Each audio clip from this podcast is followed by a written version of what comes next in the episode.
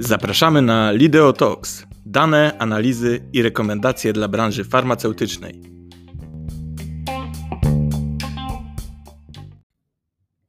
Drodzy słuchacze, witamy w kolejnym odcinku naszego cyklu Lideo Talks zatytułowanym Ten O'Clock – Środowe Poranki Prawne serii podcastów poświęconej tematyce nowej ustawy Prawo zamówień publicznych. Poprzednim odcinku przytoczyliśmy najważniejsze informacje, jakie dotyczą nowej ustawy PZP, a także pokrótce omówiliśmy zakres projektowanych zmian.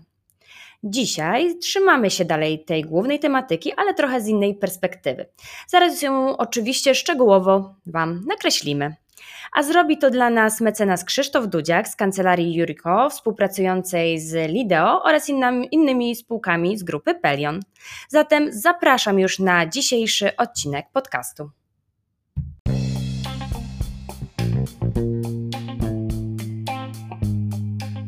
Słuchacie Lideo Talks.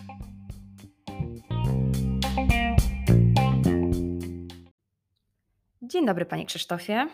Dzień dobry Pani Marto, dzień dobry Państwu.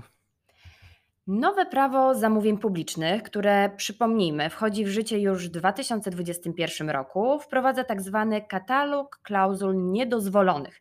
Co to takiego w zasadzie jest? Proszę nam przybliżyć. Istocie katalog klauzul abuzywnych, gdyż tak się go niekiedy określa, nie jest niczym nowym. Od dłuższego czasu funkcjonuje on bowiem na gruncie prawa cywilnego. Klauzulą abuzywną, w dużym skrócie, nazywa się takie postanowienie umowne, które kształtuje nasze obowiązki lub prawa w sposób sprzeczny z dobrymi obyczajami i rażąco narusza nasze obowiązki. Na gruncie prawa cywilnego chroni nas to jako konsumentów, jako słabszą stronę umowy w sporze z przedsiębiorcą. Na gruncie prawa zamówień publicznych brzmi trochę zagadkowo. Jakbyśmy jeszcze mogli zgłębić ten temat? Mm, na gruncie prawa zamówień publicznych funkcja katalogu klauzul niedozwolonych jest w zasadzie taka sama i ma chronić wykonawców przed szkodliwymi zapisami umowy o udzielenie zamówienia. Tak jak wspomnieliśmy w poprzednim odcinku, celem nowego prawa PZP jest bowiem zrównoważenie stron w umowie. E, zatem proszę przybliżyć słuchaczom, jakiego typu to są postanowienia. Przede wszystkim wprowadzono zakaz zastrzegania odpowiedzialności wykonawcy za opóźnienie, chyba że jest to uzasadnione okolicznościami lub zakresem zamówienia.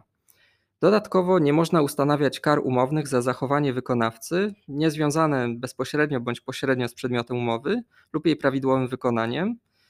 Także zamawiający nie może obciążać odpowiedzialnością wykonawcy za zachowania, za które to on ponosi wyłączną odpowiedzialność a także zamawiający nie może ograniczyć zakresu zamówienia bez wskazania minimalnej wartości lub wielkości świadczenia stron. Czy zatem można powiedzieć, że przyczyni się to do mocniejszej pozycji wykonawców w umowie? Na pierwszy rzut oka wydaje się, że tak. Zmusi to niewątpliwie zamawiających do bardziej precyzyjnego, niejednostronnego konstruowania wzorców umów. Trzeba pamiętać, że nowa ustawa zakłada silniejsze współdziałanie zamawiającego z wykonawcami w celu realizacji zamówienia. Tym samym wzorce umów powinny być korzystniejsze dla wykonawców, aby zachęcić możliwie największą liczbę przyszłych oferentów. W przeciwnym razie wykonawca może odwołać się do KIO.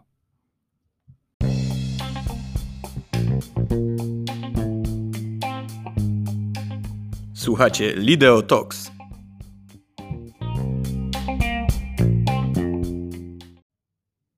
Istotne dla wykonawców są niewątpliwie kary mm, za opóźnienia. Czy na gruncie nowego katalogu, o którym mówimy, wykonawcy nie będą już za tym karani?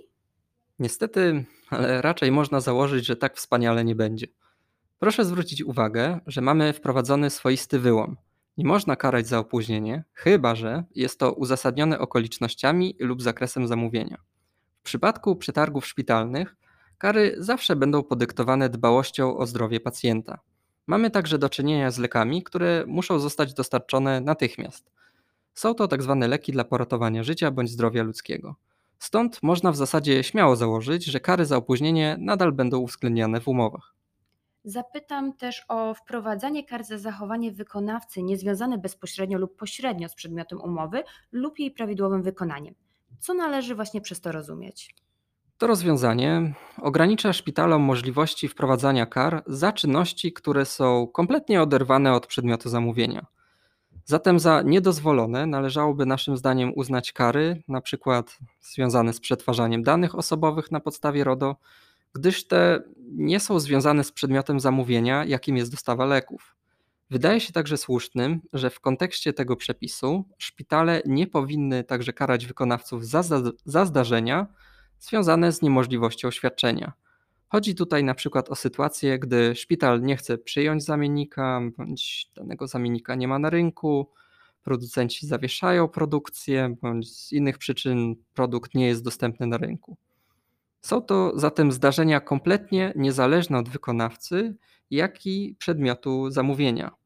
I są to sytuacje, które no, nie sposób przewidzieć. Zobaczymy zatem, jak praktyka pokaże, czy zamawiający zrezygnują z karania wykonawców za takie okoliczności. Niestety z naszego doświadczenia wynika, że takie zdarzenia związane z niemożliwością świadczenia są niestety podciągane przez szpitale za kary za opóźnienie. Być może nowa ustawa zmieni coś w tym zakresie. Faktycznie będziemy to obserwować, bo na dzień dzisiejszy, jak e, słyszę, no nie jest to takie proste. E, a proszę powiedzieć, kto zatem będzie czuwał nad przestrzeganiem zakazów określonych w katalogu?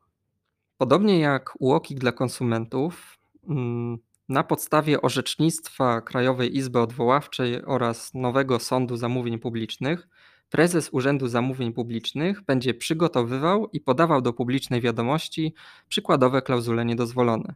Zatem na analogicznych zasadach jak w prawie cywilnym, praktyka wytworzy nam listę zakazanych postanowień umownych. Mm, dodatkowo wraz z wejściem ustawy ma zostać utworzony wspomniany przeze mnie wyspecjalizowany sąd do spraw zamówień publicznych, którym będzie tutaj Sąd Okręgowy w Warszawie. To jak tak krok po kroku będzie wyglądać procedura zgłoszenia klauzuli niedozwolonej? Proszę powiedzieć. W zasadzie pierwszy krok się nie zmienia. Wykonawcy będą musieli wystąpić z odwołaniem do Krajowej Izby Odwoławczej. Następnie, jeśli wygrają, to prezes Urzędu Zamówień Publicznych na podstawie orzeczenia KIO będzie publikował klauzulę niedozwoloną. Prawdopodobnie na stronie urzędu. W przypadku zaś, gdy wynik w KIO będzie dla nas niekorzystny, będziemy musieli się odwołać do sądu do spraw zamówień publicznych. Jak wygramy w tej instancji, to prezes także opublikuje nasze orzeczenie z klauzulą.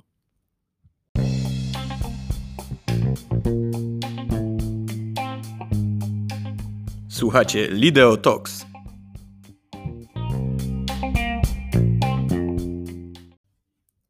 Wróćmy jednak do samych e, umów. E, czy poza wspomnianym katalogiem klauzul abuzywnych ustawa wprowadza jeszcze jakieś nowości dla wykonawców?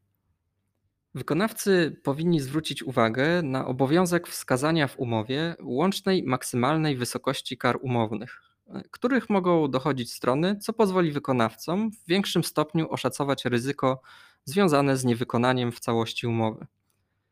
Mm, wykonawcy powinni także pamiętać, że zamawiający jest teraz obowiązany do realizacji płatności częściowych lub zaliczek dla wszystkich umów.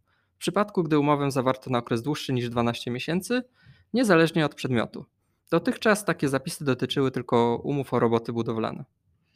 E, słyszeliśmy także o zmianach w zakresie e, zabezpieczenia. Co się zmieniło na lepsze? Jeśli chodzi o zmiany w zakresie zabezpieczenia, nowe zasady nie wprowadzają rewolucji. Zmiana w zasadzie dotyczy jedynie maksymalnej wysokości zabezpieczenia, jaką może ustalić zamawiający, która wynosić będzie 10% ceny całkowitej wskazanej w ofercie. Zmianę uzasadnia się koniecznością urealnienia wartości zabezpieczenia, a także dbania o większą płynność finansową wykonawców. Być może mniej kosmiczne wartości zabezpieczenia wpłyną także na większą popularność trybów przetargowych. To proszę powiedzieć, bo myślę, że słuchaczy to będzie bardzo interesować, czy zatem projektowane zmiany w samej umowie faktycznie przełożą się na mocniejszą pozycję wykonawców? Myślę, że możemy pokusić się o stwierdzenie, że jest to krok ku lepszemu traktowaniu wykonawców przez zamawiających. Przede wszystkim szpital, organizując przetarg, będzie musiał dwa razy się zastanowić przed wprowadzeniem jednostronnych zapisów. Z drugiej strony, zmiany te są zbyt mało zdecydowane, aby można było wskazać na równouprawnienie stron w zamówieniach publicznych. Praktyka i czas zweryfikują, jak dobre rozwiązania zaproponował ustawodawca.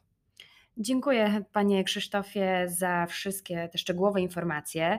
E, drodzy słuchacze, i To wszystko w dzisiejszym odcinku naszego cyklu Ten O'Clock Środowe Poranki Prawne. Przypominam i zachęcam do wzięcia udziału w naszej ankiecie zamieszczonej na naszej grupie dla firm farmaceutycznych na kanale LinkedIn i wyborze interesujących Was tematów. Z chęcią na pewno tutaj podzielimy się e, właśnie tymi tematami i je szczegółowo omówimy. To na tyle. Ja jak zwykle e, dziękuję i słyszymy się już za tydzień. Do usłyszenia. Również dziękuję. Do usłyszenia.